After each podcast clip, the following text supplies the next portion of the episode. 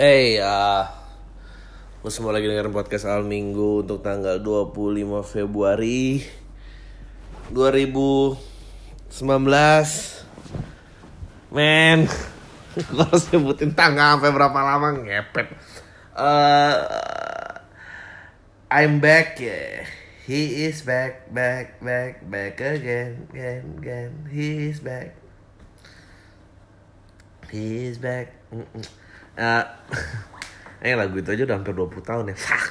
Um, uh, apa ya? Uh, I think uh, sekarang seperti yang udah semua kalian tahu, uh, kalau podcast al minggunya, gua rasa uh, tetap ada regularly. Gue pengen coba update regularly karena gue kemarin take a break dua minggu, uh, capek banget karena I'm not feeling I'm not feeling right. We get into that later ya. Uh, sisanya tamu uh, 20 menitnya uh, audiovisual ada di uh, YouTube MLI and then fullnya ada di podcast audio gitu for those of you yang nggak suka ya tai lah loh tapi gue penasaran sih gitu uh, kayak tiba-tiba menjadi mainstream terus lu nggak suka lagi men mainstream tuh via Valen mainstream ngerti gak sih lo? Lu jangan ngomong kalau gue udah via Valen baru lu benci sama gue nggak apa-apa gitu. Tapi via Valen kagak. Uh, maksudnya gue agak gak ngerti dan gue lagi mikir gue pernah nggak ya merasa seperti itu untuk seseorang yang gue idolakan gitu? Kayak enggak ya kayak Foo Fighters gitu gue The Killers gitu kayaknya nggak. Kalau Coldplay gue nggak gitu suka emang Coldplay gue suka awal-awal dong abis itu gak gitu suka. Gue penasaran gitu uh, the level of ego dan di mana lo ngerasa emang lo pernah ngasih apa buat hidup gue bangsat sedangkan gue tuh ngasih banyak tuh kalau buat hidup lo? Ketawa kelegaan cara berpikir dan lo ngebalasnya kayak gitu emang tai kucing. Ler lah. Gak tau diuntung dasar lu udah nggak punya temen aja. Bagus lo nggak punya temen tapi wawasan luas. Dulu kan lu nggak punya temen doang dan nggak punya wawasan. Oh sekarang mendingan lah. Gini pada marah-marah emang lu ngasih duit. Susah main making of that money and you don't know how much money yang gue udah spend lo sebetulnya. Nah you wanna get real? Nih gue get real nih. Tele ayam lu pikir hidup gue kayak apa Nggak, tapi gue juga pernah gue gue oke okay, gue gue nggak mau nge ya bodo amat lah ngedis. Nggak gue cuma penasaran gue kayaknya nggak pernah deh ngerasa kayak gitu akan seseorang sih Makanya waktu Michael Jackson Jackson 5 dia solo gue dukung dukung aja gitu mesti ye gitu terus dia iya. Apa gue harus udah mulai mulai bikin video kayak saya tuh nggak cari fans saya tuh carinya atau apalah itu. Ah. Uh, iya gue nggak ngerti sih kenapa backlashnya banyak banget. Emang lo tahu cara dapet duitnya? Gue uh, apa lagi ya? Itu itu itu. Ya yeah, men uh, I'm not I'm not kepala gue aduh kepala gue lagi penuh banget. Gue gue nggak tahu apakah gue nggak tahu apakah eranya apa emang umurnya? Apa emang mentalnya? Yang jelas kayak kombinasi tiga ini umur gue bertambah eranya kayak gini itu berdampak buruk banget buat mental gue gue apa udah nggak tau kayak nggak tau gue, gue belum gue belum pernah sestres ini dalam hidup gue gue belum pernah pemilihan presiden. Si anak cewek jilat sabun. Like why? Kayak gue gue gak ngerti kenapa gue ada di sini. Dan itu uh, gue sih udah prediksi lah itu pasti bakal viral. Maksudnya ya iyalah. Kalau mau lagi gue kasih dicoba kunyah sendal jepit ya kunyah sendal jepit tapi lo makannya kayak ala makan steak itu terus kayak hmm, mas terus komplain komplain saya tuh minta medium well bukan well done gini. Kan jadi alat. Terus lo makan aja kayak lo makan di steak bintang lima. Uh, um, terus ada yang menarik perhatian gue kayak I'm, I'm gonna tell you the biggest secret di kepala gue apa yang terjadi. Dan gue gak tahu berapa orang yang bisa ngerasa kayak gini. Uh, apa kan ada tuh video viral apa orang yang ke sneakers day dari atas sampai bawah berapa puluh juta whatever apa gini gini gini gini gini. Gue tuh dari dulu nggak pernah suka spend uh, buat barang. I, I I don't know kenapa gue nggak kaos gue beli kaos tuh kalau nggak Giordano Uniqlo Uniqlo kalau nggak Uniqlo atau nggak ada juga tuh di ITC Fatmawati gue lupa tokonya Pokoknya. Gue cuma beli kaos polos berbagai macam warna. Yang basic tuh gue beli uh, celana juga polos apa pun ininya. Yang penting nyaman fittingnya pas berapa ya? Gue nggak pernah peduli uh, gue bukannya mau so righteous bukan. Tapi gue penasaran. Gue nggak pernah peduli sama baju sama baju. Kecuali uh, gue suka jam tapi jam itu personal banget buat gue karena uh, eh, gue biasanya marking hidup gue dengan jam. Jadi uh, gue selalu beli gue jam kayak uh, gaji pertama uh, terus pertama kali nyampe uh, di Amerika gitu. Uh, pertama kali I think menang award gitu. Kayak gue selalu menandai lah uh, dengan jam. Uh, dan jamnya nggak mahal jam-jam murah gitu jam sejuta tuh mahal gak sih buat kalian? Gue tuh ngomong siapa sih sekarang. Uh, ya, maksudnya yang ratus ratus ratus ribu ya pokoknya gitulah jam. Uh, terus mob mobil mobil suka nggak ya? Mobil biasa aja sih mobil gue mobil lama. Uh, sepatu gitu sepatu sepatu nyari diskon. Dan sebetulnya terus terutama buat gue yang ada nostalgic ya kayak ada nostalgic kayak gue nggak bisa beli itu waktu gue SMA gitu atau gue nggak bisa beli itu pada saat gue uh, ya pokoknya nggak mampu lah. Terus iri lihat orang terus gue baru beli pas gede. Kayak tipikal bapak-bapak lainnya lah yang menuju puber dua ini. Um, terus uh, udah sih terus gue ngeliat orang itu bayar bayar bayar beli beli beli beli beli, beli kayak beli itu emang enak maksudnya uh perasaan membeli bawa kantong belanja tuh emang kayak wih. Ah ya kayak tapi lu 30 menit habis itu lu kayak kecewa gue lu no apa yang terjadi dengan kepala di kepala lu? Dan gue percaya itu ada ada psikologinya ada ada endorfin yang ditendang ke kepala lu dan lu feeling good buat shopping. Makanya patah hati dan apa ke mall tuh enak. Um, tapi lo habis itu disappointed terus lo nggak ini. Nah uh, begitu juga dengan sosial media kan katanya uh, warning di uh, handphone lo gitu ada miss call emblem notification. Itu emang mendesain bahwa ih ada yang datang nih ih ada yang baru apa tuh otak lo kayak lu seneng terus. Uh, nah yang bikin kayak kayaknya ya, feeling gue yang bikin gue uh, kepala gue tuh kayak rasanya tuh kepala gue tuh uh, kayak kayak telur kayak telur yang dikocok gitu loh kayak ya udah hancur aja gitu di kepala gue uh, dan dan enak kan kayak soalnya kan um, effortless ya effortless untuk lo di kamar dan lo kayak nge-scroll YouTube. Gue kemarin kayak berusaha tidur nggak bisa tidur and then yang gue lakukan adalah main-main HP gitu sampai terkantuk dan tidur gitu. Dan dan itu tuh cuma kayak nge-scroll nge-scroll nggak ada yang ditonton gitu kayak Instagram YouTube terus gue ngeklik ngeklik nyampe nyampe ada orang kawinnya beda ras orang Jepang dan orang Amerika terus dia membahas kehidupannya dan kayak mm, mm, mm, dan apa dari uh, apa? Uh, itu tuh emang kayak kayak lu tuh sakau gitu ya terus kayak dapat sedikit penenang dan lu seneng tuh begitu hilang tuh lu pengen cari lagi begitu hilang cari lagi karena gak tau ya gue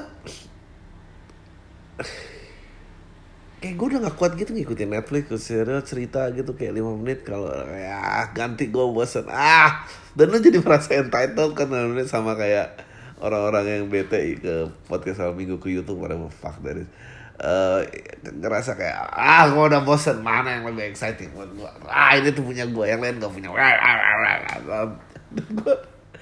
Akhirnya ini ngerasa kayak gitu dan gue nggak ngerti nggak ngerti cara berhentinya dan gue malas berinteraksi sama orang uh, nggak kuat gitu dan gue cuma pengen dalam kesedihan gue meringkuk di kasur dan nge-scroll mm, mm, sama kata-kata orang dalam hati aja uh hidup gue lebih baik. Padahal gue lagi ngeringkuk sendirian gak ada orang. Kayak um, terus kayak ih najis sok mesra-mesraan kayak asli aja cintanya udah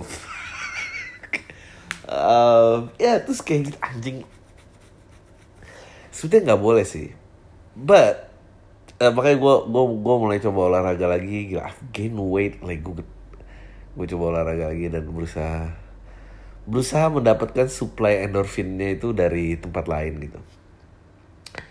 Um, and then once you feel good dan keluar di kepala lo gitu dan lo lo ngerasa enak dan segala macam memang gue tuh nggak gitu suka beli barang ya. Tapi ini ada tapi ini ada dangerous side nya gitu di mana gue tuh suka banget experience gue suka banget sama yang namanya rasa. Entah rasa happy rasa sedih itu gue suka gitu kayak eh pengalaman dan itu. Dan downside nya dari penyuka rasa ini tuh limitless gitu. Dan gue gue tuh mau loh kayak di situ akhirnya uh, uang tuh nggak jadi objek. Gue nggak bilang gue kaya tapi kayak gue kayak misalnya ditantang kayak duit lu di bank saya duit lu di ATM lima ratus ribu terus ada nawarin nih steak enak banget lima ratus ribu. Gue tuh bisa tuh kayak gitu. Gue pengen tahu aja pengalamannya gitu of of being dan, dan gue nggak tahu seberapa banyak orang kayak gitu. Ke uh, banyak fantasi main fantasi obat-obatan yang pengen gue coba kayak kayaknya tuh enak ya gitu kayak hmm kayak kalau bilang baru pengen tuh udah termasuk tindak kejahatan belum sih? Apa gue bisa dijerat dengan dengan kayak gini? Uh, ya gitu. Um, dan tiba-tiba gue kan lu gue nggak tahu ya tapi menurut gue kolang tai sih pasti cupu lah nggak maksudnya yakin dari lu semua tuh uh, persentase sedikit lah yang yang seneng mabok karena uh, minuman dan obat-obatan terakhir sisanya yang nggak tahu lu ngapain dengan diri lu karena gue yakin ya orang yang penyuka rasa itu juga sibuk di luar sana and don't give a shit about apa pun yang terjadi di sosial media dan sampah ini. Eh, uh, ya, yeah. gue lagi I don't know ini apa namanya. Apakah ini depresi? Apakah apa? Yang jelas ya gue gue gue rasa lagi pengen memotong interaksi sama banyak orang uh, dan I don't know. Terus gue kayak I, I gue mau cut tuh kayak mau tidur harus ngeliatin HP gitu. Fuck gue harus bisa tidur tidur biasa aja gitu. Karena gue harus tidur nggak nggak ngerti kenapa. Um, dan dan meditationnya udah mulai nggak working. I I don't know why. Mungkin gue harus lebih intens lagi uh, anjing nih gue kayak catatan sebelum uh, ini ya bunuh diri gitu kayak sing sing sing uh, ya itu rasanya uh, gue pengen I don't know how abisnya ada yang menyurat pasti kayak e, bang menurut gue uh, lu tuh lu harus keluar dan lebih mensyukuri hidup. Uh, banyak banget saudara-saudara kita yang nggak bisa ah fuck you lah itu perasaan gue bodo amat. Dia enak cuma lapar. Kalau gue lebih complicated daripada itu. Itu itu mungkin tentang tadi kan gue bilang kayak gue nggak tahu umur atau mentalnya atau keadaannya. Nah kalau environmentnya gue gue nggak tahu I don't know about you guys tapi gue belum pernah loh kayaknya hidup mer merasa benci sama era hidup yang gue jalanin. Nggak nggak nggak pernah kebayang gitu dan mungkin karena gue sih nyalain banget sama sosial media ya sama sosial media dan dan uh, device device yang lo pegang ya uh, lu tuh lu tuh kayak jadi junkie tapi nggak uh, sadar gitu dan um, apa semuanya tuh basi gitu semua cepet banget basi dan lu berharap kayak aduh ada excitement apa lagi sih yang yang berikut gitu ada excitement apa lagi sih yang berikut padahal everything is amazing gitu ya sih? Kalau kata Louis C.K. tuh ada beatnya everything is amazing but nobody's happy. Iya kayak lu nggak bisa lo kayak nggak bisa happy gitu lo nggak bukan nggak bisa happy sih nggak bisa content. Menurut gue karena malah terlalu banyak happiness. Yang di mana yang kayak ya udah gitu kayak lo basi nge-scroll ngeliat yang lucu that's all you need kan? And then uh, uh, apa uh, otak lo kayak tersirami endorphin stress and then lo happy and then uh, begitu naik lo akan turun ke level yang lebih dalam lagi and then you try to find uh, clip yang lebih bego daripada sebelumnya gitu ya entah trondolin motor atau jilat sabun. Aja di mana tuh sih jilat sabun. Uh, uh, si yang ngenyot ngenyot agak terus um, apa namanya? Ngomong-ngomong ngomong-ngomong jilat sabun jijik Rismo tuh juga banyak uh, ngelakuin yang aneh-aneh. Tak ada kesamaan buat gue kayak I don't know tapi itu itu itu berbeda sih. Gue bukan mau bikin pengecualian tapi menurut gue ada dua karakter yang menurut gue hidupnya sangat carefree dan gak peduli sama tanggung jawab itu yang gue kenal adalah kuku sama rispo. Dan gue iri sama orang kayak gitu carefree karena kayaknya ya udah hidupnya nggak banyak pertimbangan kayak gue gini. Aduh ini tuh nyiksa banget sih.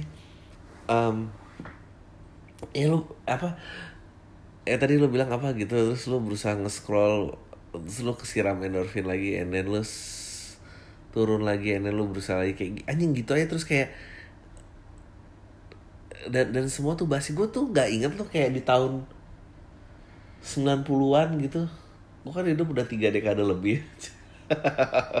Setengah dekade 80 which is gue gak ingat. Oke lah dari 90 90-an gue gak pernah ngerasa 90-an dan gue ngerasa bosen ya. Harus ngapain ya gitu ya gue hidup gue ada yang bosen tapi gue gak pernah berharap aduh berganti dong hidup. Gue gak pernah gitu. There's always something to do and then there's always something yang kayak oh ini enak juga ya gitu. Dan nggak tahu uh, podcast jadi gue istirahat karena gue berusaha secap dan rutin aja dan karena nggak ada topiknya ya apa apa yang lo mau bahas coba? Apa yang lo mau bahas tapi belum dibahas gitu? Apa debat capres basi gitu kayak nggak ada yang nggak basi gitu uh, ya gue kayak berharap aduh besok apalah gitu nggak tau. Kayak the only thing yang make sense abad berikutnya adalah uh, udah post apokaliptik aja gitu distopia gitu kayak uh, kita masuk ke era Ready Player One gitu udah there's no point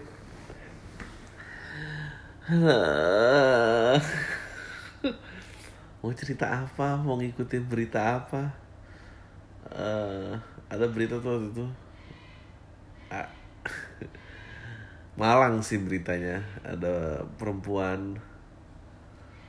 Uh, yang mati karena ini udah mau ketawa Yang mati karena kepleset saat memberikan makan kepada buaya peliharaannya. Maksudnya me terus kayak gue dapet videonya nyebar warga kayak berusaha narik mayat. Yang udah terkoyak dari mulut buaya.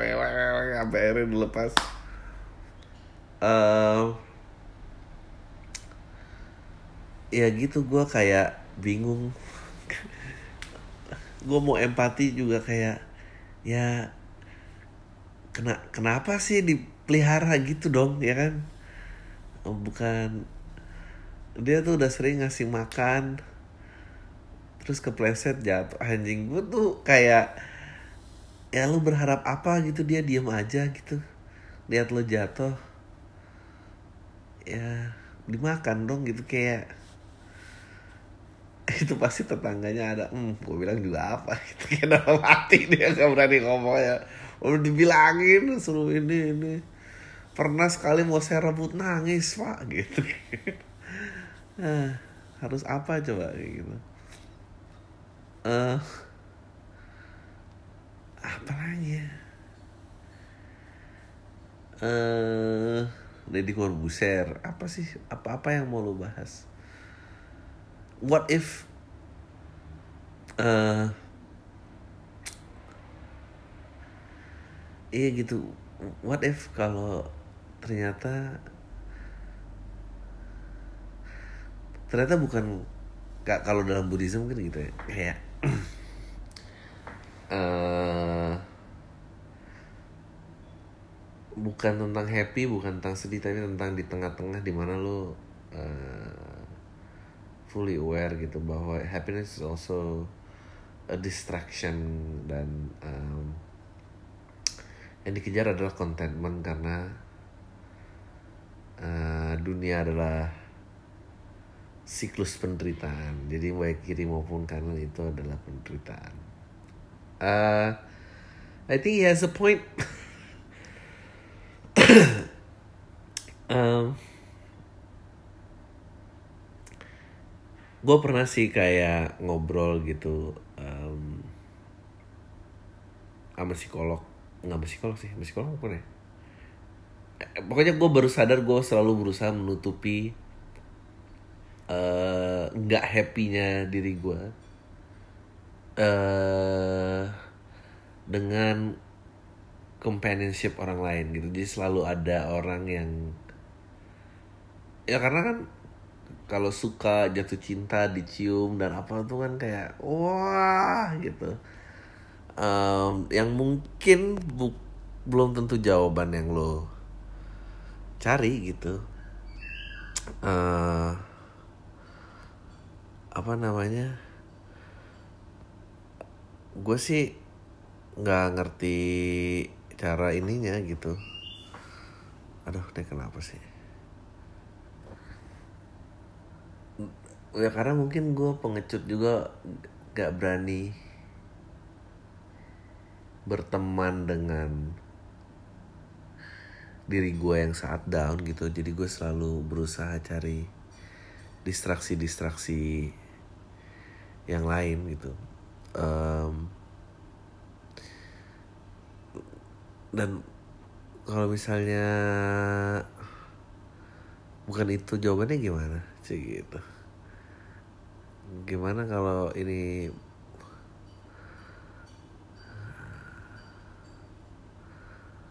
ya akan sedih banget kan gitu bahwa gue tuh baru sadar gue banyak banget yang di bukan itu bahwa itu cuma drugs gitu. Drugs yang ot- otak lo tuh craving bukan lo bisa melift up diri ah tahu ah gue ngelantur ngomongnya apa? You know what? I'm gonna do it better next week. Ya kalau masih mau dengar podcast gue uh, ya stay kalau enggak ya udah Uh, still waiting for your email at podcastalminggu.gmail.com Sorry for the absence And gue akan coba lebih konsisten lagi kepada kalian semua. Karena apa sih art, um, artinya hidup saya tanpa fans-fans Saya lakukan semua ini buat fans. Uh, gue dengan podcast lu kurang lebih 2 tahun lalu karena gue baru lulus SMA pasti nganggur isi main SoundCloud dan nemu podcast lu setelah gue denger gue jadi ketagihan. Anyway bang, gue kalau lu masih ingat gue minta foto sama lo eh, acara MLI to Bali gue pakai baju merah marun gue sempat bilang gue pernah podcast lu dan terus sempat bilang thank you ternyata lu emang aslinya emang ramah. Gue mau nanya pendapat lo, sekarang gue kuliah ngambil komunikasi dan cita-cita gue jadi jurnalis atau wartawan olahraga. Menurut lo apa yang mungkin bang? Nah, karena gue merasa gue selalu gagal dulu gue sempat audisi bawa acara di salah satu TV lokal gitu di Denpasar tapi nggak lolos sekarang gue jadi takut nyoba-nyoba lagi yang padahal gue tahu kalau gue nggak nyoba nggak bakal bisa. Ya udah kalau udah tahu gimana? Sekarang gue cuma jadi penyiar dari salah satu radio komunitas di Denpasar bang. Uh, saat gue berharap lu bikin show dan satu tempatnya di Bali. Itu aja tuh. Thank you. Um, ya menurut gue harus dicoba. Gimana kalau nggak dicoba gimana sih? Uh, iya kalau nggak dicoba gimana dong harus dicoba men. Radio komunitas tuh ya cobain. Maksudnya lu stay aja sampai lu akhirnya ngerasa oh ya gue kayak harus lulus dari sini dan gue nyoba yang lain gitu. Eh uh, oke. Okay. yang pertama orang tua teman saya minta saya buat support usaha mereka misain teman saya sama pacarnya. Karena menurut mereka teman saya kena guna-guna sama pacarnya Kita yang dilakukan pacar sama ibu pacarnya yang menurut waktu saya merupakan implementasi ilmu guna-guna. Asumsi ini didukung oleh sama pendapat beberapa orang pinter yang membenarkan kalau teman saya kena guna-guna pacarnya disuruh sama ibu pacarnya. Teman saya nggak percaya dan nggak mau mutusin, masih diam-diam jalan sama pacarnya walaupun udah dilarang. Ini bikin ortunya tambah bete karena menurut ortunya kalau dulu teman saya itu selalu nurut masalah gini. Ya mungkin dulu temennya belum horny, sekarang udah horny. Um, uh, tapi semenjak pacaran sama cewek ini teman saya berubah. Lebih ngelawan nurut sama pacarnya karena diberi mas. Gitu karena masalah pacarnya sempat marah-marah. Karena teman saya nggak support biaya operasi ortu pacarnya? Uh, kartu ATM saya dipegang teman pac dipegang pacarnya. Hah? Menurut ortu saat teman saya udah nggak wajar buat skala pacarnya. Iya nggak wajar lah Pas diajak ngomong masalah ini selalu emosian dan makin bikin ortunya yakin kalau dia kena guna-guna. Gak kena guna-guna mungkin dia juga dalam situasi yang terjepit dia pun gak tahu cara ngomongnya. Kami udah temenan lama dan saya dekat sama orang tua dan kayak ortu saya sendiri. By the way teman saya udah mandiri uh, dan OTW maafan sikap saya harus gimana bang mau bantu ortunya tapi teman saya happy happy aja sama pacarnya dan saya juga nggak yakin bisa ngasih kontribusi yang penting sih mau bela teman saya tapi pacarnya rada tai dan biasa aja kalau dia nggak guna ortu teman saya. Aku percaya guna-guna sama tai. Gue nggak guna-guna guna-guna nggak percaya sih. Tapi takut gitu kalau gue tuh nggak tahu kalau takut lo percaya apa enggak sih. Gue sih nggak percaya tapi takut. Banyak kok hampir semua hal di dunia ini yang gue harus kepercaya, harus percaya karena gue takut. Sebetulnya gue gak mau percaya tapi gue takut aja uh, kayak kesurupan gitu. Uh, gue rasa sih temen lo pertama kali jatuh cinta dan nggak ngerti aja gimana? Dan ya udah dia udah dewasa dia harus belajar ya. Orang tua juga harus sabar ya relain aja anaknya udah gitu. Gimana? Ya bang apa kabar? Bang gue pengen dong kalau saya Indonesia jadi terpilih jadi orang uh, rumah Olimpiade dan lo jadi salah satu orang yang mengkonsep strategi masalah Olimpiade entah itu dalam acara opening opening seremoni dan nambahin bidang olahraga promosi olimpiade ke luar negeri kira-kira ide apa yang pengen lu tuang ke sebagai strategi masalah olimpiade nggak gue gak mau ngasih tau ntar lu pake nih apaan ya Terus bang menurut lu seru nggak NBA All Star tahun ini gimana? Menurut lu LeBron, Curry, Harden, Durant, PG jadi satu tim di West? Menurut gue NBA lagi nggak seru-seru. Gue lagi kesel sama NBA. Yang gue perhatiin cuma Luka Doncic, uh, tapi gue nggak tahu. Four team four, four picks it four picks itu kan uh, four picks nah, draft itu kan uh, Dallas Phoenix Sacramento.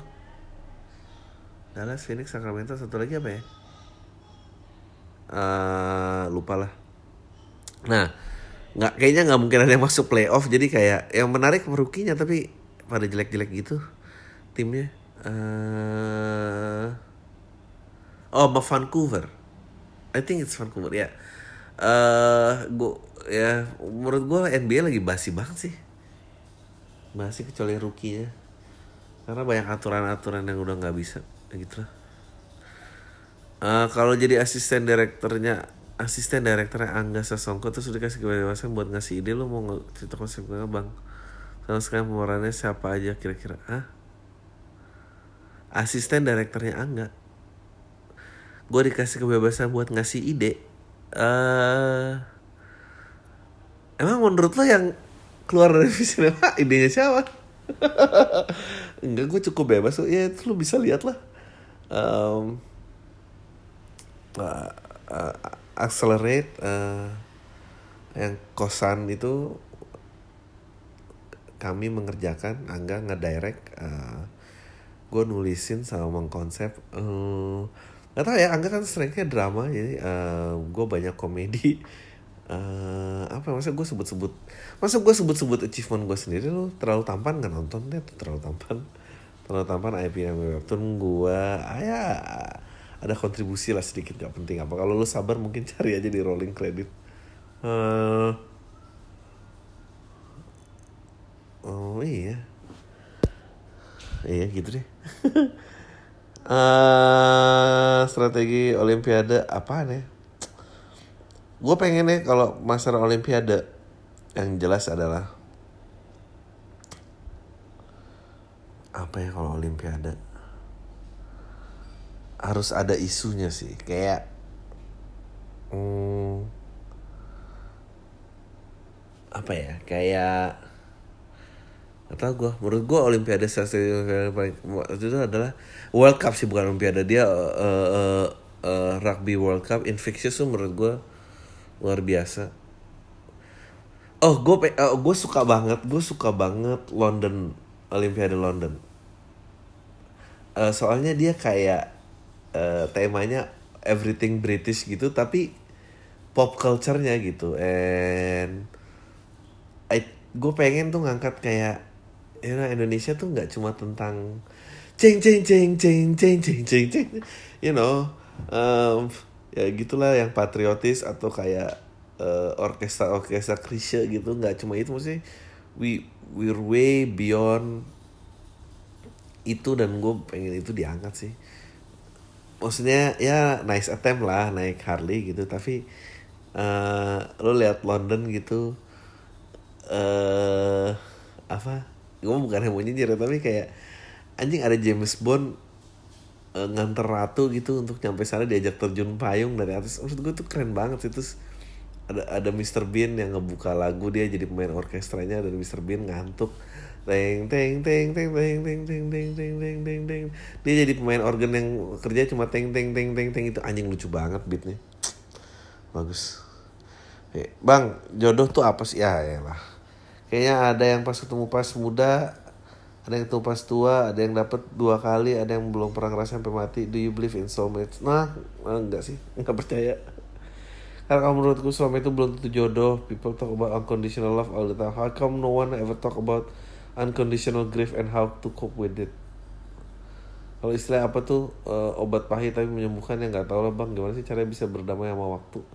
Ya lu tuh kenapa sih? Masalahnya ditinggal pacar apa gimana mau tiba-tiba udah uh, I I need more details. I I don't know.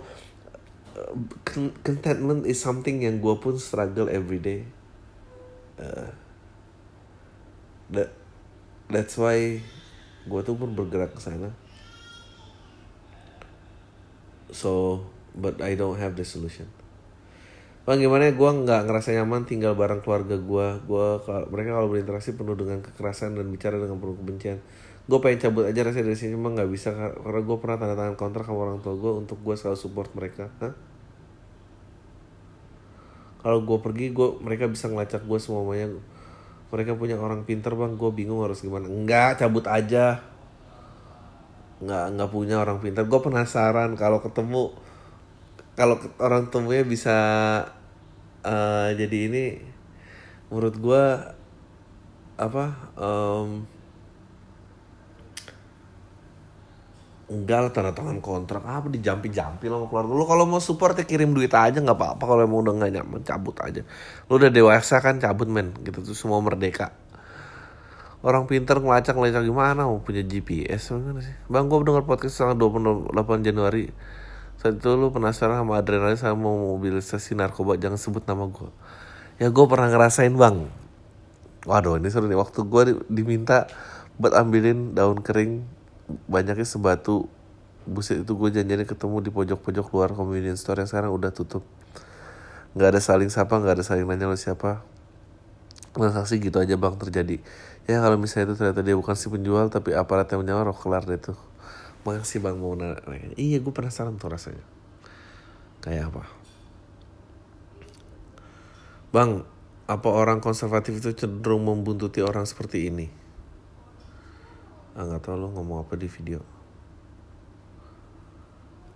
Bang apa RU musik itu pengaturan dalam bermusik seperti halnya dalam pemberangusan lekra dalam peristiwa dahulu? Padahal lekra bukan IPK ya itu kurang lebih sama. Karena niatnya didesain untuk uh, apa namanya uh, untuk mengatur industri malah jadi ngatur konten. That's a thing about free speech you know it's either you all for it atau lu nggak all for it gitu. Susah nggak bisa tuh. Gue aja kadang-kadang posisi gue nggak tahu ya. Kadang-kadang kayak makmur dulu sebelum beradab itu itu sebetulnya sangat kiri sangat konservatif gitu. Um, eh nggak tahu ya tapi kalau kayak konteks bermusik itu ya Allah apa sih jahatnya bermusik gitu goblok Hai Mari sebelumnya terima kasih untuk podcast minggu. Podcast selalu nemenin perjalanan pulang gue ke kampus. Gue pergi kampus mudah selalu Bang Ari bisa berjalan sesuai dengan kapasitasnya. Gue mahasiswa semester 6 usia 20 tahun Kuliah di salah satu PTS Katolik di kota Bandung. Bang setelah akhir gue kirim juga email ke sini. Lebih lanjut, gue adalah anak dari nyokap yang sekarang usia 60 tahun dan almarhum bokap berusia 70 tahun telah meninggal tahun 2012 lalu. Saat gue masih kelas 3 SMP. Bokap nyokap gue ketemu saat mereka berstatus janda dan duda. Kemudian punya gue dan sebelumnya mereka masing-masing punya anak bawaan. Jaraknya lumayan jauh bahkan gue punya keponakan yang udah nikah lalu anaknya yang manggil gue secara nggak langsung bisa dipanggil kakek. Ya ya mirip-mirip. Saat ini gue dalam kondisi tinggal berdua sama nyokap yang sekarang udah masukin masa pensiun. Bersama kondisi tersebut nyokap gue grafiknya udah menurun terutama dari segi kesehatan. Kakak gue semua sudah berkeluarga dan jarang berkunjung ketemu nyokap. Sehingga nyokap sendirian di rumah. Nyokap sulit komunikasi sama kakak gue karena nyokap merasa kakak gue gak ada perhatiannya ke nyokap. Oleh karena itu gue punya tanggung jawab untuk jaga nyokap di samping kuliah di samping itu gue punya perasaan ingin bebas seperti anak-anak kuliah lainnya kayak nongkrong sampai larut malam leluasa nginep di rumah teman jangan ke sana kemari tay gue belum punya pacar yang masih butuh waktu luasa untuk berdua. Di saat gue punya perasaan tersebut gue selalu ditanggapi dengan tanggung jawab besar ke nyokap. Gue selalu ditelepon untuk cepat balik antara nyokap kontrol kesehatan antar nyokap kontrol kesehatan. Belum lagi gue harus nemuin nyokap yang perlu komunikasi. Karena kami cuma berdua di dalam rumah. Di saat itu perasaan ingin bebas gue jadi anak yang mengecewakan. Hah? misalkan dengan kesalahan akademis gue di masa lalu sehingga gue akan lama lulus karena IP gue dianggap kecil banget. Gue jadi banyak bohong ngakunya kerja kelompok padahal mabok di tongkrongan. Ya yeah, but that's what people do. They lie. They make two worlds. Nggak apa-apa lah. Gimana dong? Nyokap lu nggak bisa ngerti. Ya lu bohong aja. Belum lagi biaya kuliah yang terus mahal. Gue makin gak enak kalau gue terus nah itu dia lah. Itulah. Emang harus mandiri secepat mungkin lagi sambil melibatkan kakak gue yang udah kerja itu buat bayarin. Gue sayang banget sama nyokap tapi selain gue punya juga punya kehendak bebas. No no no no no no no no. No no no no gue takut suatu hari gue malah jadi melantarkan beliau terlebih lagi. Gue sudah kerja dan ditakdirkan. Kalau gue sudah kerja ditakdirkan buat merintis karir di tempat yang jauh dari nyokap. Pertanyaan menurut Bang Ari gimana caranya untuk tetap pada jalur-jalur yang sehat untuk menjalin gue segala Nggak menurut gue ini ini menurut gue ya. Menurut gue lu tuh pengen main lu pengennya nggak bertanggung jawab. Sebetulnya itu yang lu pengenin. Tapi nggak bisa lu harus bertanggung jawab. So uh, lo harus cari cara gimana caranya lo bisa bermandiri. Kalau lo mandiri lo bisa support nyokap lo ya kalau nganterin medis apa segala macam ya masa lo nggak nganterin nyokap lo sih? Gue yakin bisa diomongin dan mengerti.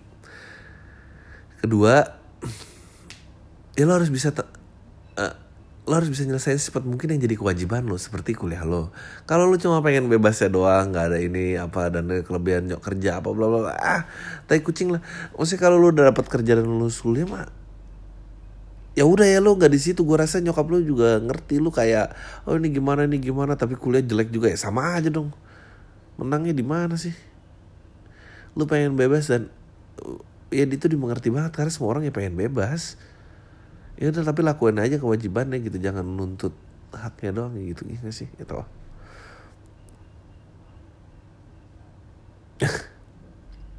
Bang bikin joke tentang stainless straw itu dong yang katanya ada sedotan plastik di tenggorokan kura-kura itu menurut lah bang. Piano mainnya Billy Joel bagus nggak? Kenapa menurut lo itu bagus? Nuhun bang. Salam eh uh, piano mainnya Billy Joel bagus banget men.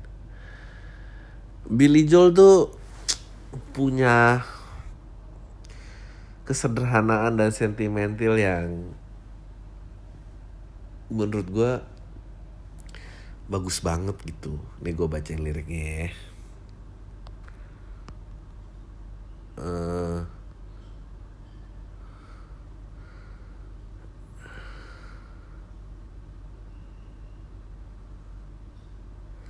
La la la la di da da La la la da di da da da So so you're Sing us a song tonight. Lo harus cari yang versinya Rufus Wainwright deh. Ini tuh cerita tentang uh, apa kayak ya udah orang yang lupa yang masalah lo dan lo bernyanyi aja gitu. Uh, untuk minta piano man kayak gitu deh. Kalau nggak salah itu interpretasi gue tapi bisa aja gue salah. Uh, most likely gue salah. Uh, sedotan plastik straw itu.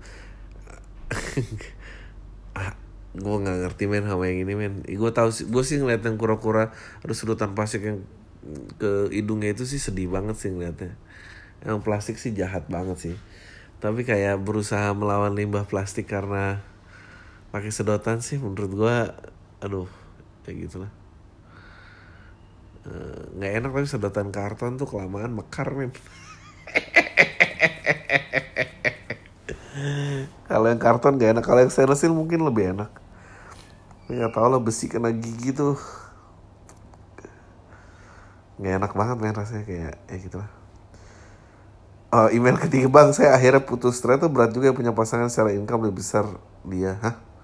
Itu sering perang hebat gara-gara urusan jalan dan belanja. Saya nyoba biasanya melanjang saya sama manajemen keuangan dia nyolot uang uang saya kenapa kamu ngatur? Iya bener. Kenapa coba kamu ngatur?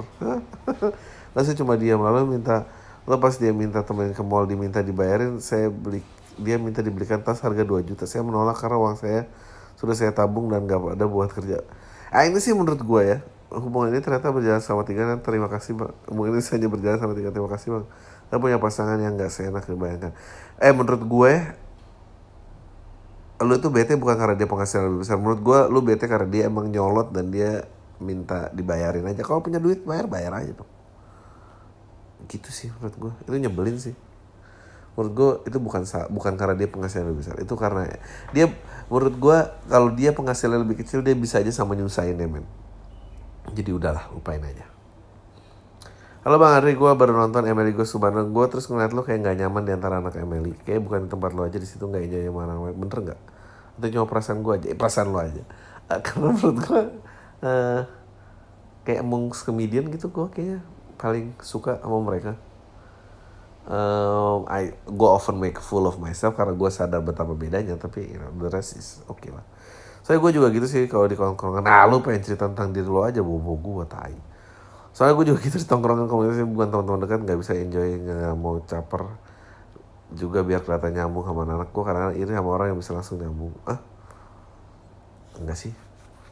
Gue nyaman. Uh, ini tuh lihat live apa lihat video apa masih tapi kebiasaan nongkrongan baru kita anak-anaknya pada so lucu rada maksa. Yang ikutan ketawa juga maksa biar kelihatan nah gue nggak bisa tuh pura-pura asik sama obrolan yang so asik itu dan ketawa-tawa. Dan munafik enggak sih kalau sama Emily gue beneran ketawa sama yang ya gitu gue sih genuinely kalau gue ketawa ketawa kalau enggak gue biasanya nggak ketawa banyak kok foto viral gue nggak ketawa hmm.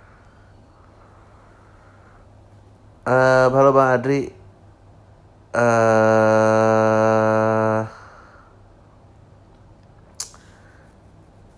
apakah spesial nanti di cover kamu Emily? Kan seperti abang kalau kita Emily acara tiketnya nggak pernah murah. Sedangkan kamu pernah bilang podcast pas jadi tamu podcast kalau pas abang spesial bareng kukunya harganya jadi agak mahal. Ngeri jualan tiketnya. Nah kalau misalnya abang spesial dan cover ML apakah harganya akan mahal juga? Mahal kayaknya. Gak tahu gue uh, yang jelas aduh nggak tahu man. I've been bleeding to death man.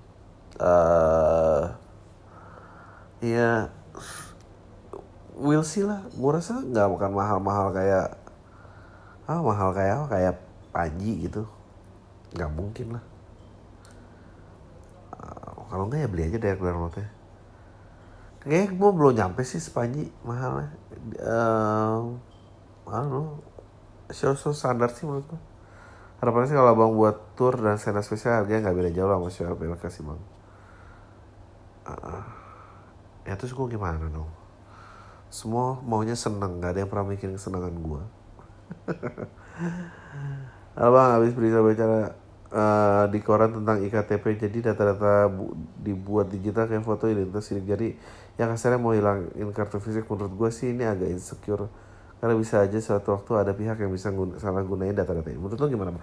Ya kan gue udah pernah bahas ini berkali-kali ya. Dan semua orang percaya uh, dengan mudahnya percaya gitu. Gue sih nggak pernah tuh ya ada um, sidik jari nempel apa segala macam uh, di handphone. Gue sih nggak pernah mau. Kalau misalnya ada orang yang berhak megang data-data adalah pemerintahan. Tapi ya pemerintahan juga kadang-kadang teras terhadap pemerintahan terasnya rendah ya jadi nggak tahu juga gimana. Tapi memang we should be careful man. I think the fight now is about privacy. Nih, nih opini itu penting. Nih gue pernah bikin statement kayaknya. Gue bilang opini itu nggak penting. Uh, yang penting tuh karya lo mau ngapain gitu. Terus ada orang yang ngirim tentang opini itu penting. Ini gue baru kenal podcast lo bang, podcast lokal yang paling serak buat gue bukan nanya-nanya terkait drama-drama lika-liku bang. Pengen tahu opini lu terkait satu hal. Berapa kali gue bilang lu lu gue dengar lu bilang opinions don't matter. Berapa kali juga lu jelasin tapi baru sepotong-potong. Jadi penasaran. Gue nangkep ya menurut lu opini itu nggak ada nilainya. Antara ada gap di antara sekedar ngutarin opini sama bikin karya yang bisa dimasukin opini. Lebih nampol karya. Bener gitu bang? Bisa jadi gue salah. Bener menurut gue opini nggak penting karena kalau lu a maker ini gue nggak ngomong manusia umum ya. Opini of course opini penting. Tapi kalau lo mau nggak tahu ya kalau lo pengen berkarya kayak kayak ini heal the world make it a better place for you and for me. Itu kan opini Michael Jackson ya bahwa dia peduli lingkungan. Tapi karyanya bagus banget gak maksudnya uh, we are the world we are the children. Uh, gue mau denger lagu itu. Gue gua jadi peduli karyanya dia menggerakkan gue untuk gue setuju sama opini. Tapi kalau gue dengerin Michael Jackson 10 menit gitu menurut gue kita harus menyayangi planet bumi. Alah tai kucing lah gitu. Gue gak mau denger men. It, itu sih maksud gue uh, I, I think opinions and misalnya, misalnya stand up comedian stand up comedian paling sering kepleset sama ini. Menurut gue joke itu ada craft. Sedangkan opinion just tembak aja gitu. Ya gitu lah menurut gue opini itu penting bang ya kan sih lu tau gak kenapa opini penting? Karena mungkin bagi orang biasa itu hanya mereka itu yang bisa mereka buat. Ada komedi lagi bilang gue lupa, gue lupa opinion tuh opinion opinions are like asshole. Everybody has one. Itu bagus banget. Opini tuh kayak lubang pantat men. Semua punya nggak ada istimewa istimewanya. Um, ya gitulah. Walaupun opini kita terhadap isu bisa berubah-berubah tapi tetap penting. Ya sih ini opini banget nih yang nentuin penting nggak penting ya nilai opininya. Kalau opininya sampah ya nggak penting. Tapi kalau opininya bisa bikin satu orang garuk-garuk dagu sampai bilang iya juga ya itu lumayan lah paling nggak. Misalnya nongkrong sesekali daripada ngeledek atau ngomongin orang lihat isu buat diskusi atau beropini. Atau walau ngasal juga nggak apa-apa yang penting latihan mikir kritis dan terbuka. Aduh terus kita kalau sendiri nganggap opini kita tuh terus kalau kita sendiri nganggap opini kita bisa bisa bikin kita gampang ngerendahin opini orang lain. Bahaya tuh menurut gua. Hah menurut gua orang yang biasa ngerendahin opini orang lain adalah orang yang terlalu percaya sama opininya. Lagi pula gak semua orang ada kemampuan yang punya waktu bikin karya exactly my point. Atau mungkin opinion don't matter yang penting karya lo aja tuh menurut lo apply ke pekerja seni aja bang. Ya gitulah. Sorry kalau kesannya condescending so pintar dan sotoy emang sotoy dikit tapi gue nyantai banget ini nulisnya niat niat cius bener-bener aduh pakai cius ya gimana ya kenapa gue harus mendengar opini orang yang masih ngomong cius ya? Niat cius bener-bener pengen tahu anu nggak ada niat lagi buat nyerang atau ngeledek ini nggak apa-apa. I think it's okay. Eh, sukses tunggu spesial Bismillah terima kasih. Sama-sama. Eh, halo bang, aku mahasiswa umur 20 tahun. Cuma mau cerita sedikit aja. Siapa intinya mau cerita juga nih. Maaf kalau ada panjang. Fuck lah panjang banget Jadi bisa dibilang aku ini adalah orang yang gak percaya dengan keberadaan agama Tapi tinggal di keluarga yang cukup konservatif Dulu pun aku termasuk religius SD, SMP Di aku di sekolah di sekolah agama. Sekarang keputusan tentang apa aku percaya Gak mau semerta-merta gitu Tapi lebih dari pengetahuan-pengetahuan yang aku dapat Terutama dari buku-buku karya Richard Dawkins Beuh gue banyak setuju sama Richard Dawkins tapi I think Richard Dawkins an asshole. Buku-buku saya sedang Monedes Montefiore sejarah uh, nambah aku cukup terbuka dengan pengetahuan dan apa pun isu yang terjadi. Menurutku yang jadi masalah di sini adalah aku ada posisi mana aku lagi bohong sama orang tua. Aku nggak pernah ngomong kalau aku nggak percaya sama agama. Ya nggak apa-apa bohong aja mau ngapain sih? Ayo pernah sekali ngajak diskusi masalah tentang, tentang agama malah jadi pertikaian yang nggak ada bisa ujung-ujungnya sampai ayahku marah besar dan ibuku nangis iyalah men lu aja pilih jurusan pacar punya pacar ya kadang-kadang backstreet mau ngomongin agama lagi sama orang tua bego. Sampai-sampai buku-buku yang aku punya aku disita semua dan malah dibeliin buku-buku religi. Di sini aku di sini yang aku sadar kenapa nggak ada titik penyelesaian? Karena mereka sendiri nggak baca buku yang aku baca. Dan nggak mungkin juga aku paksa mereka. Ya iya lu udah tahu dia nggak mungkin. Lu kayak marah sama orang buta nggak bisa lihat men. Nggak mau hal itu kejadian lagi setelah itu aku jadi kaya pura-pura tobat gitu dan putusin tetap religius. Kalau cuma depan mata mereka iya gitu aja nggak apa-apa. Nggak terlalu sulit karena pun aku dulu di luar kota. Kalau ditanya dulu aku kewajiban aku sih jawab iya dilarang pacaran di sini beberapa kali jalan sama cowok. Aku sebenarnya nggak biasa bohong tapi menurutku ini bohong demi kebaikan. Iya gue setuju mau ya masa lu nggak boleh pacaran gitu sih? Jadi ya jalan aja kalau walaupun bertanya kapan. Lu cari cari pasangan yang bisa bohong juga aja sepandai-pandainya menyimpan bangkai suatu saat baunya akan tercium juga. Tapi gimana pun menurutku aku simpennya nggak bakal bahaya amat lah.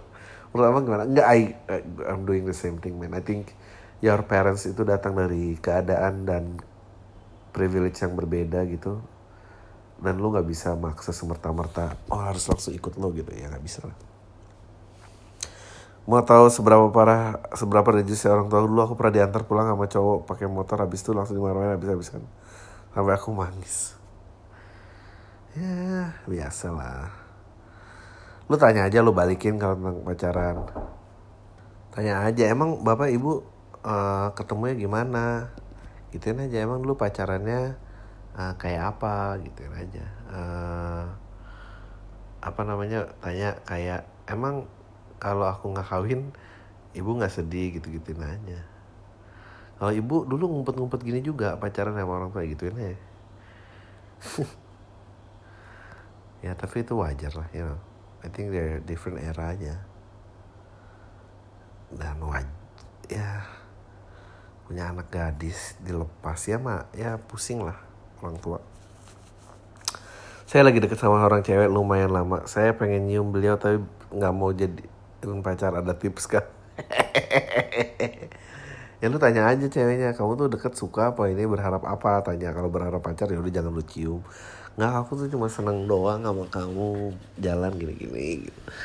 Sama jauh sih. Nah kalau jawabannya gitu kayak oh ya udah kalau dicium dulu boleh nggak? Gitu.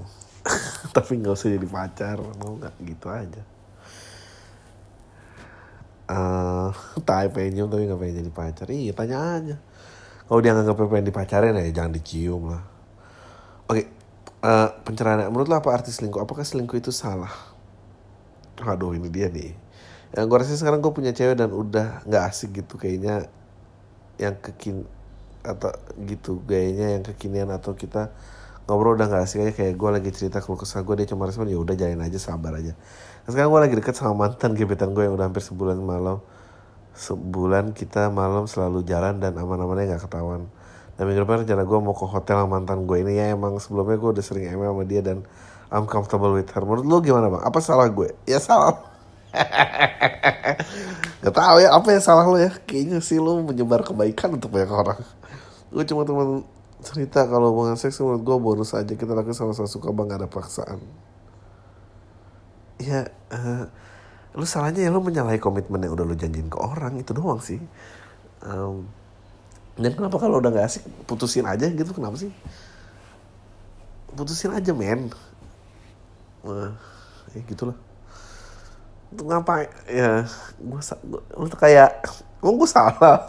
Coba coba lu ke mantan ke cewek lu sekarang gak menurut kamu kalau aku kayak gini aku salah nggak? Ya, salah. Coba tanya dia gimana. Lu berani gak? emang gue salah apa? Salah apa gue coba coba bilang bilang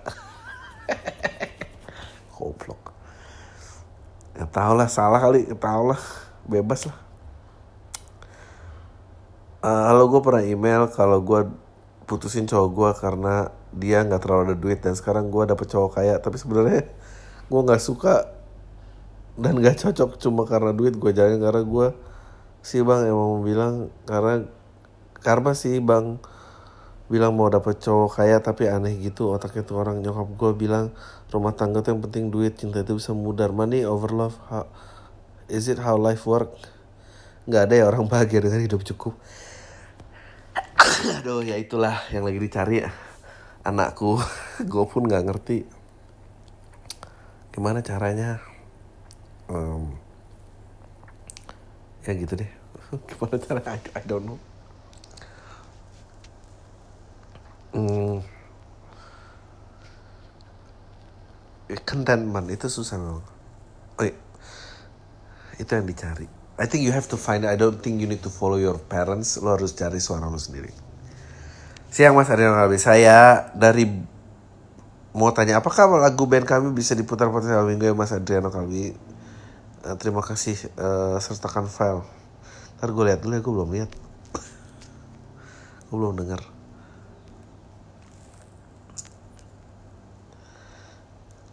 Kayaknya lo kasih trailer aja kalau satu lagu panjang dong. Bang kenapa ya banyak cewek yang jual mahal? Udah tahu gue miskin. Emang nggak ada yang bisa gue afford tai di dunia tai lucu banget. Lu masih jadi sumpah serapah aja. Uh, di kantor gue ada konser Reza Artume Fevia. Gue mintain promo. Oh. Oh oke. Okay.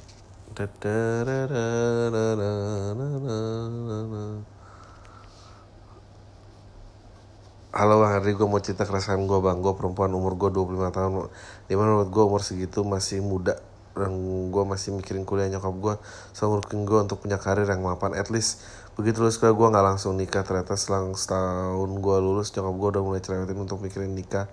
Iya bang gue masih belum banget Mau banget nyenangin diri sendiri. Gue belum siap gitu harus nyenangin orang lain Selain orang tua dan adik gue sampai akhirnya nyokap gue kayak ngejodohin gue sama satu cowok yang emang kita udah tahu bibit-bibitnya. Dengan begitu gue malah risih gue malah sering jadi selisih paham sama nyokap dan nggak jarang berujung sedikit berantem. Dan yang gue bikin kesel itu cowok capernya kemang keterlaluan sama nyokap gue Apa suatu gue cowok itu komunikasi ke nyokap gue padahal ya bang gue udah terang-terang ke cowok itu eh gue nganggap dia temen doang. Eh tahu-tahu dia ke rumah gue dan izin sama orang tua gue secara langsung buat serius sama gue sinting emang gak tau malu banget gue bikin gue ilfeel gue sering banget ngobrol bertiga sama nyokap bokap. Gue ngetarin kalau gue masih belum banyak mikir di sana tapi kayaknya nggak mempan. Walaupun orang tua gue nggak terang-terangan tapi aja gelagatnya kayak nyuruh gue buat nyoba dulu jalan sama tuh cowok. Lu balikin aja emang dulu mama gitu ya. Dijodohin terus bahagia gitu gitu aja. Gue masih gimana ya bang? Gue kayaknya nggak mau maki-maki tuh cowok. Iya gituin aja. Tapi nggak mungkin. Sebenarnya tuh gue tuh cowok nggak caper nggak bakal segininya. Ya bilang gitu aja emang dulu kalau mama ketemu papa mama tuh dijodohin dan mama bahagia ya ada yang jodohin gitu nanya ah that's it ya. Kayaknya um, gue akan lanjutin question saya berikut berikut lagi it's been an hour. Thank you guys. Um, ya tayo semua. Deh